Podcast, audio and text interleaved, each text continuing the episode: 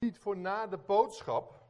We zingen straks het lied Licht van de wereld, u scheen in mijn duisternis. Dus dat ga ik niet apart aankondigen.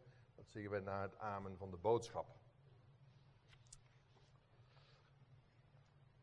Broeders en zusters, lieve vrienden, vandaag komt de boodschap uit Psalm 61, dat stukje wat we net gelezen hebben. We hebben niet die hele psalm gelezen, maar ongeveer de helft. Vijf tekstversen. En als thema heb ik gekozen. En toch is er hoop. Te midden van alle moeilijkheden. Te midden van alles wat gebeurt in de wereld, in de grote wereld. Hè, de beelden die naar ons toe komen. Of in het klein, in je eigen omgeving. Te midden van al die moeilijkheden is er toch hoop. Voor wie? Voor gelovigen. Voor hen die in God geloven. En toch is er hoop.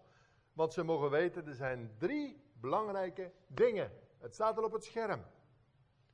Eén, God is er. Twee, wat God deed, wat hij gedaan heeft. En drie, God maakt een nieuw begin. Een nieuw begin. God is er, wat God deed en een nieuw begin. We gaan naar ons eerste punt. God is er. En ik wil een inleiding geven op ja, deze bijzondere dag, deze dankdag.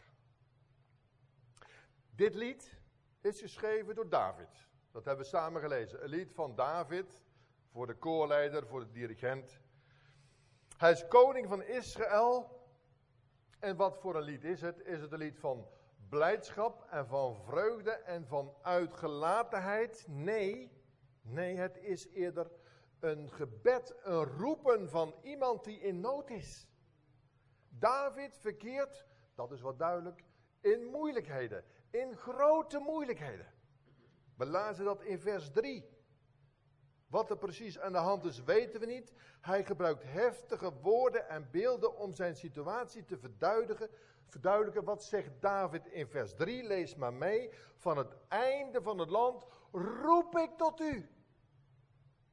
Nu mijn hart bezwijkt. Ik ga eraan ten onder, zegt hij. Leid mij op een rots die voor mij te hoog zou zijn. Zoals David, zo kunnen wij ons soms ook voelen. Of misschien nu wel. En zeker in deze tijd, waarin er zoveel gebeurt in de wereld en waarin er zoveel op ons afkomt.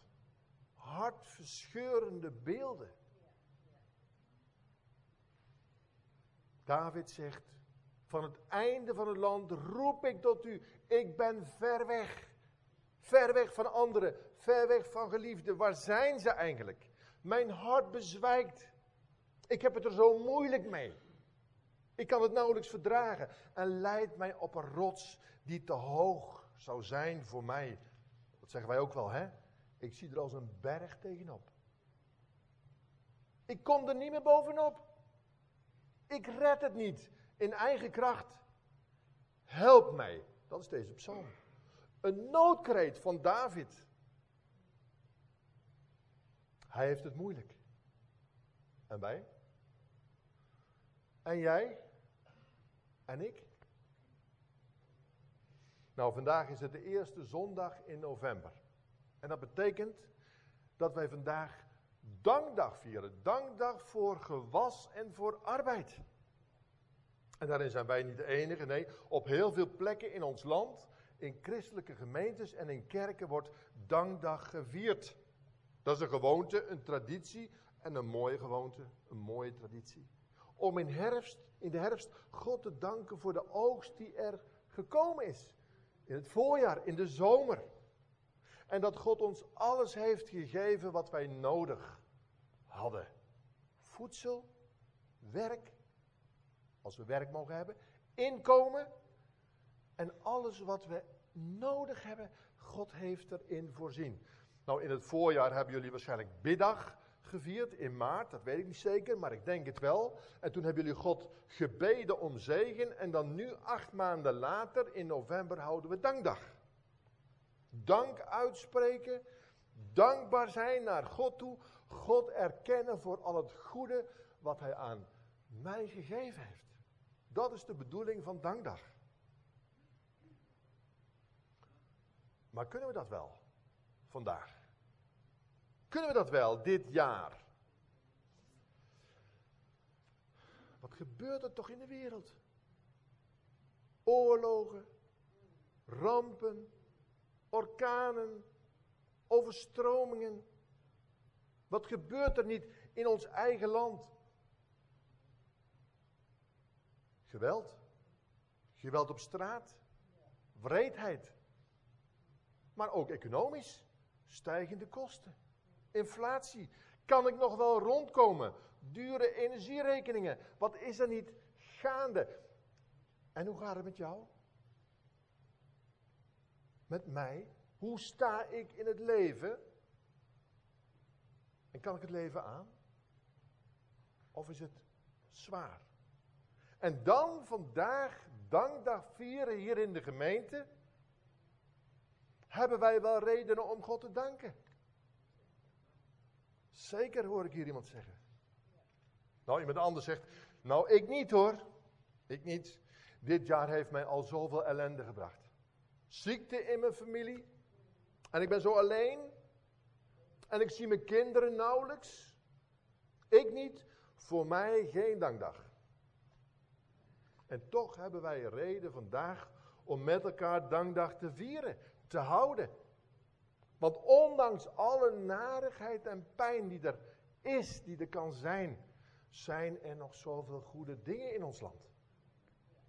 God zij dank. We hebben nog eten en drinken. Onze huizen zijn nog verwarmd. Misschien zetten we de thermostaat iets lager, maar we zitten er nog warm bij. Er zijn medische voorzieningen, gelukkig. En ondanks alles leven wij in een vrij land. En het is goed om dat te zien en te blijven zien en te waarderen. Dat geldt dus in algemene zin zo voor ons volk, voor ons Nederlandse volk. En deden we dat maar meer, Nederlanders die kunnen zo klagen, waren we maar meer dankbaar voor alles wat we nog hebben. En God, ja, zouden die daarvoor erkennen. Maar er is nog meer om dankbaar voor te zijn. Veel meer zelfs. En dan denk ik, wat ik net al zei, aan hen die geloven. Die geloven in God. Want gelovigen kijken minder naar de omstandigheden. Bij hen gaat het niet om dit leven alleen. Om het leven van iedere dag op het horizontale vlak. Nee, er is meer. Dat mogen de gelovigen weten. Er is veel meer. En zij die met God leven, bevinden zich ook in een hele andere werkelijkheid dan zij die niet geloven.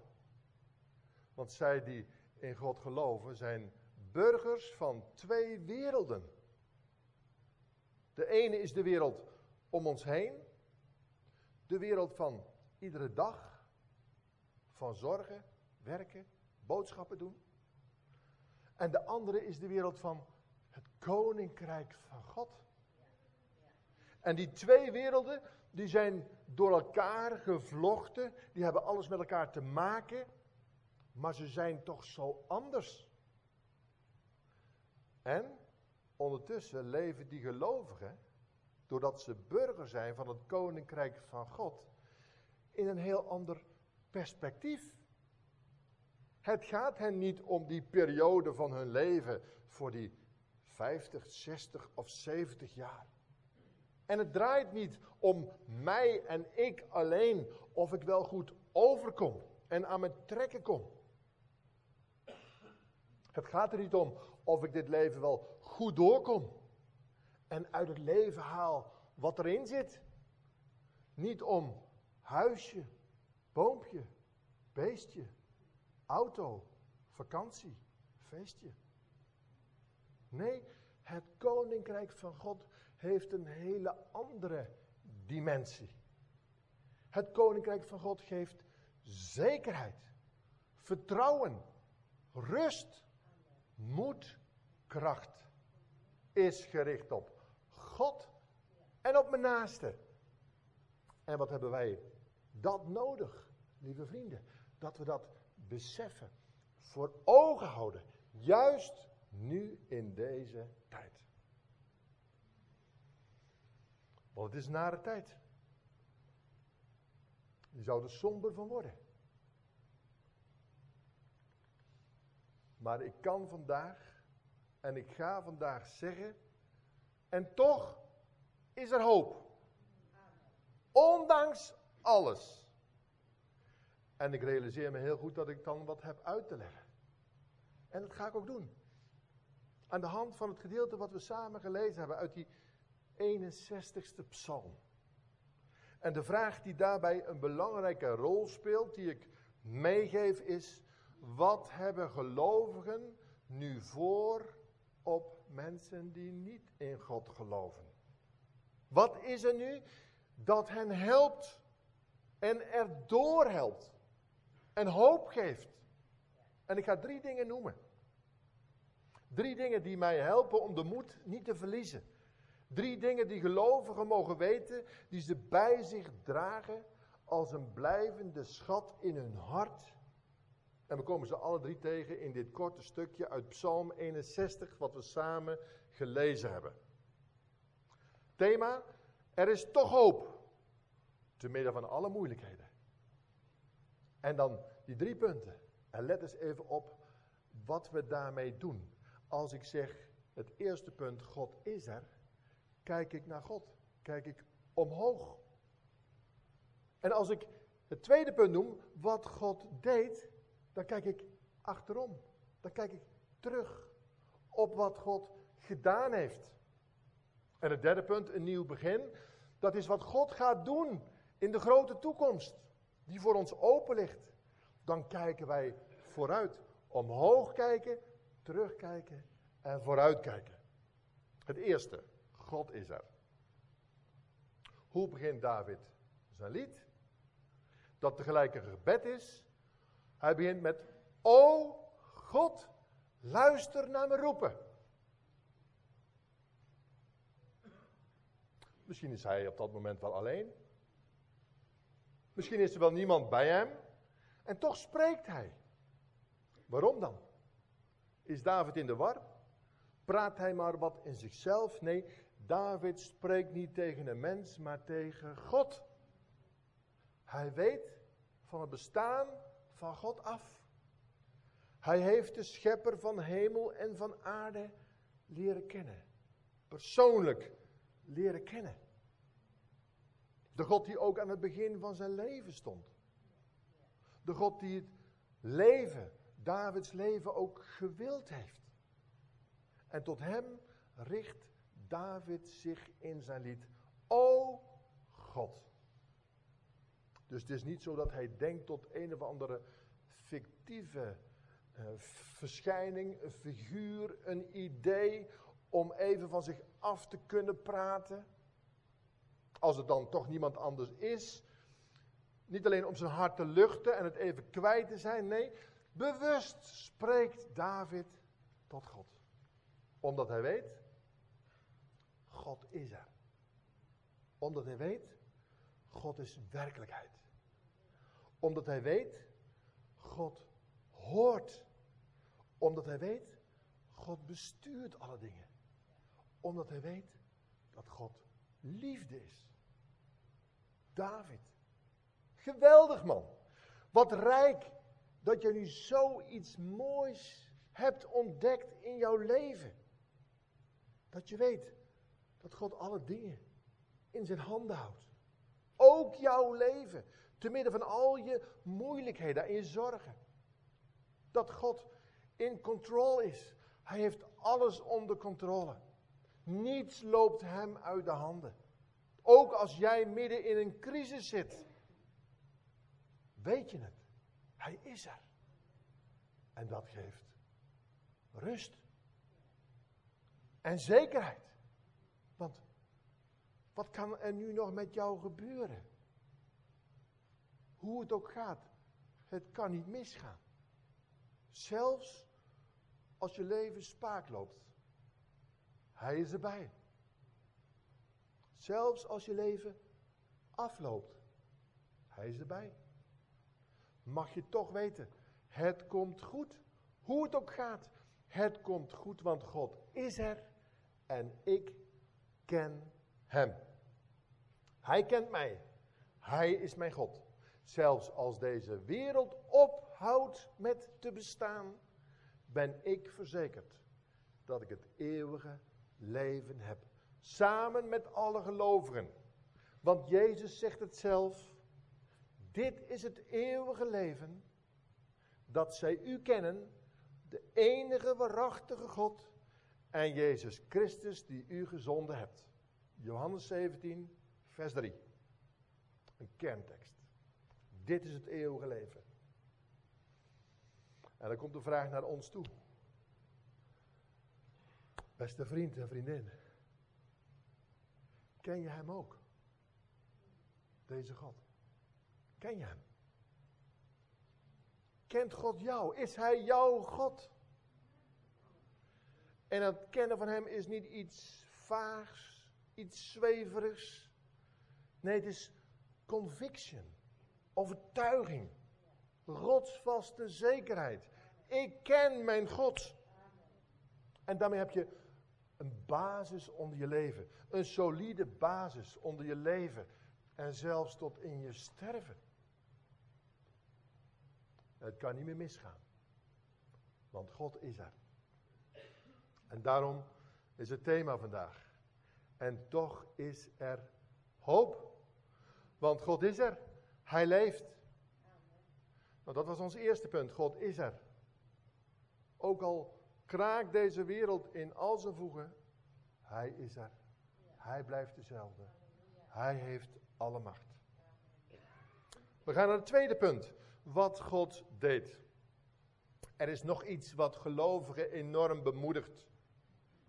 En dat komen we tegen in vers 4 van deze Psalm 61. Want u bent een toevlucht voor mij geweest. Een sterke toren tegen de vijand. David heeft het hier over een toevlucht. U bent een toevlucht voor mij geweest. En hij spreekt heel persoonlijk tot God. U bent het. Dus David heeft al eerder een moment gehad, of momenten in zijn leven gehad, of een periode dat hij echt in het nauw zat. Dat hij hulp nodig had. Dat hij hulp zocht en de toevlucht nam tot God. En hulp vond bij God. Mijn schuilplaats, mijn redder, veilige toren van kracht. De Heer heeft hem geholpen, gered, bevrijd. Dus David grijpt terug op eerdere ervaringen. Hoe God hem vroeger hielp. Ja, zeg je misschien, maar dat is toch niet goed? Je kunt toch niet blijven hangen in dat wat geweest is? Wat je eerder hebt meegemaakt? Nee, niet als dat het enige is. Niet als je nooit iets nieuws meemaakt en te vertellen hebt. Want soms, soms ontmoet je wel eens christenen en die vertellen tegen jou hoe ze lang geleden tot geloof gekomen zijn en hoe bijzonder dat was. En de volgende keer dat je hen spreekt, hoor je weer hetzelfde verhaal. En het blijft daarbij. Er komt niet meer. Maar dan klopt er iets niet. Want God is de levende God. En als jij een levende christen bent, dan kun je ook vertellen wie God nu voor je is. Dan kun je vertellen over nieuwe ervaringen die je met God hebt opgedaan. Maar toch is het ook goed om het verleden niet te vergeten. Om vast te houden wat God voor jou gedaan heeft. Zeker als het om je redding gaat. Zeker als het gaat over die eerste ontmoeting met Jezus Christus. Met de levende God.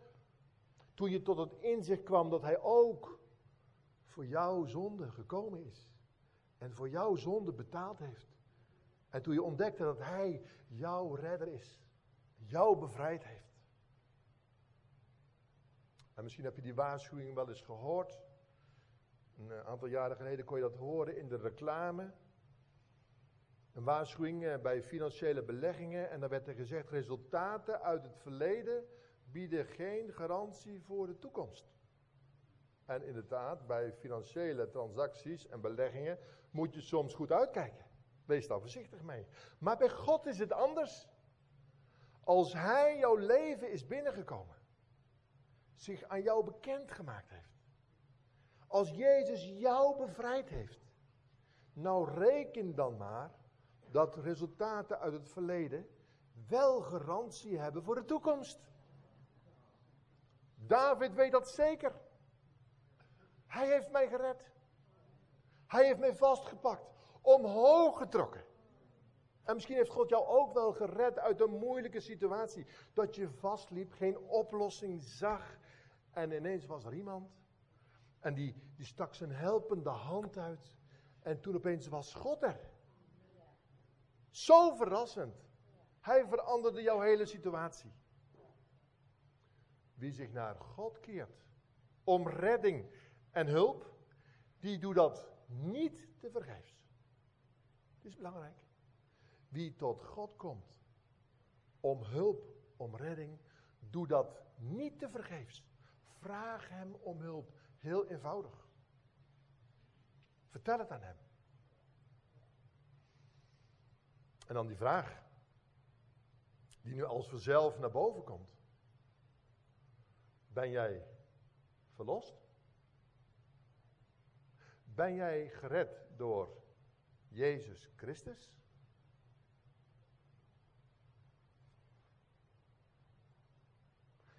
Heb jij die vergeving van zonde gehad? Als je jezelf in je hart zegt, ja, ik weet dat niet.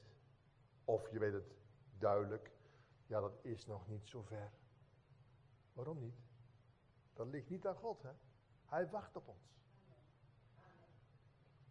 Dan hoef je, als je het weet, dan hoef je daar niet over in te zitten. En dan hoef je er ook niet over in te zitten dat je het spoor weer bijster raakt.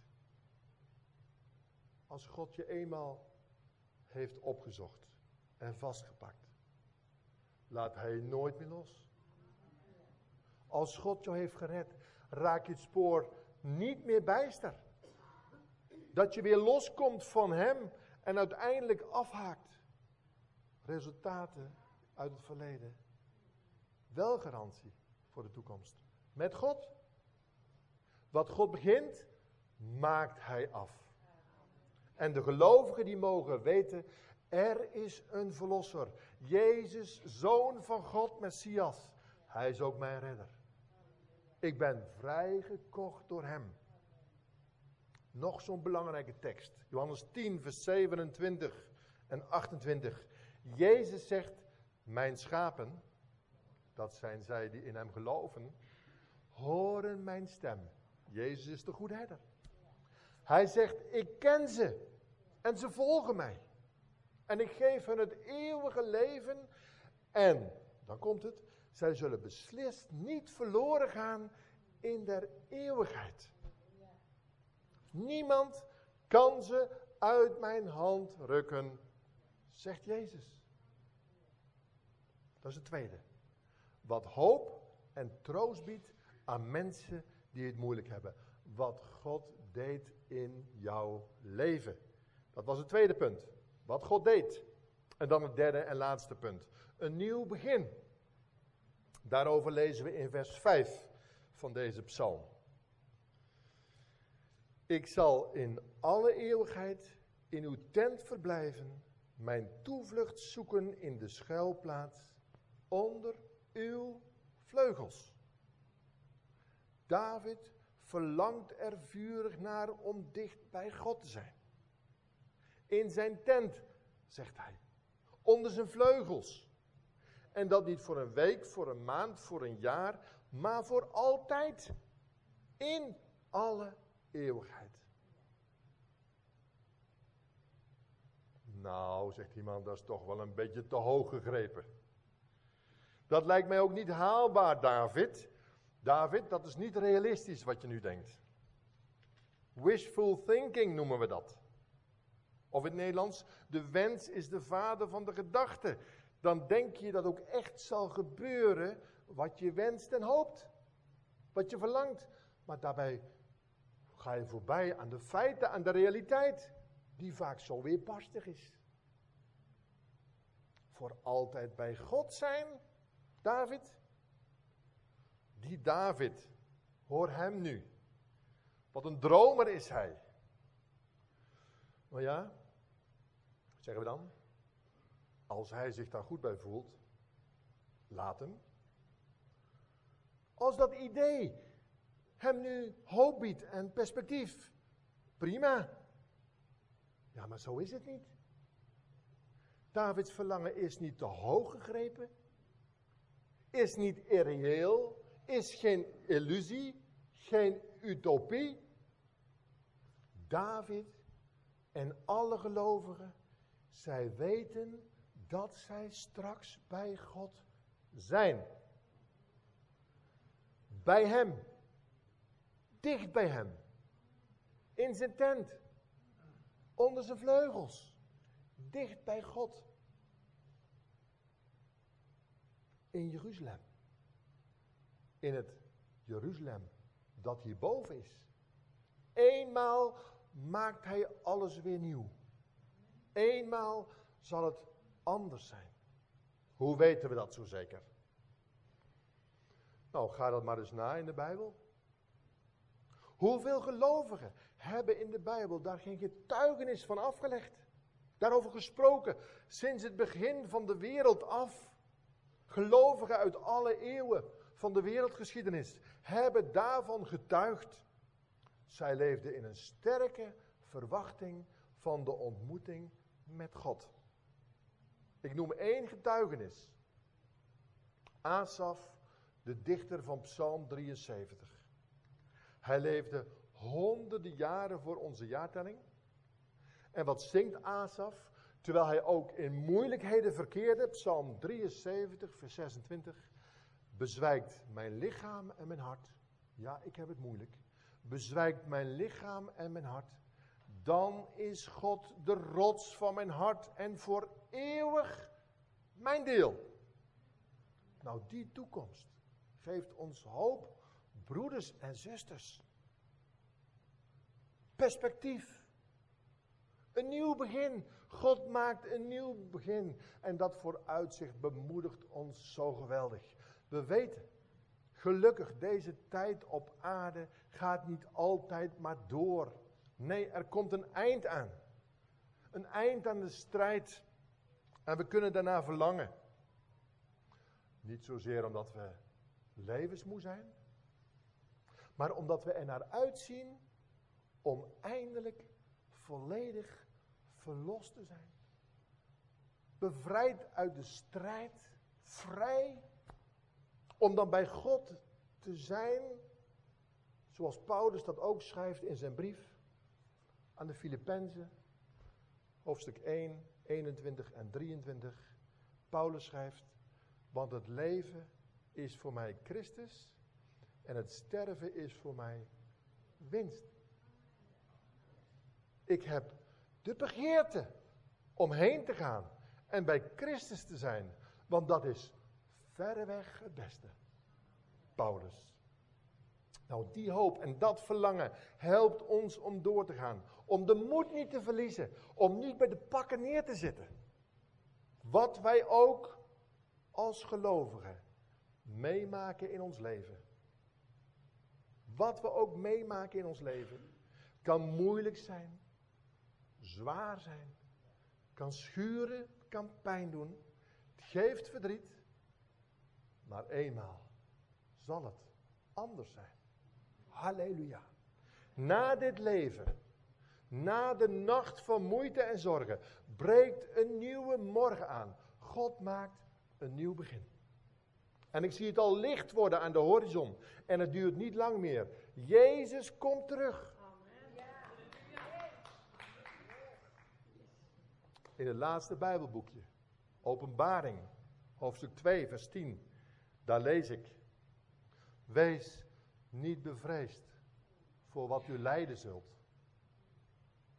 Niet bang zijn voor wat je mee gaat maken. Niet bang zijn, zegt Jezus. U zult een verdrukking hebben van tien dagen. Dat is te overzien. Wees trouw tot in de dood en ik zal u de kroon van het leven geven. Dankdag vieren in deze tijd. Kan dat? Ja. Daaruit krijgen we nieuwe moed en nieuwe hoop en gaan we zingen. Licht van de wereld, u scheen in mijn duisternis. Nu mag ik zien wie u bent. Liefde die maakt dat ik u wil kennen, Heer. Bij u wil zijn elk moment. Zing je mee? Amen.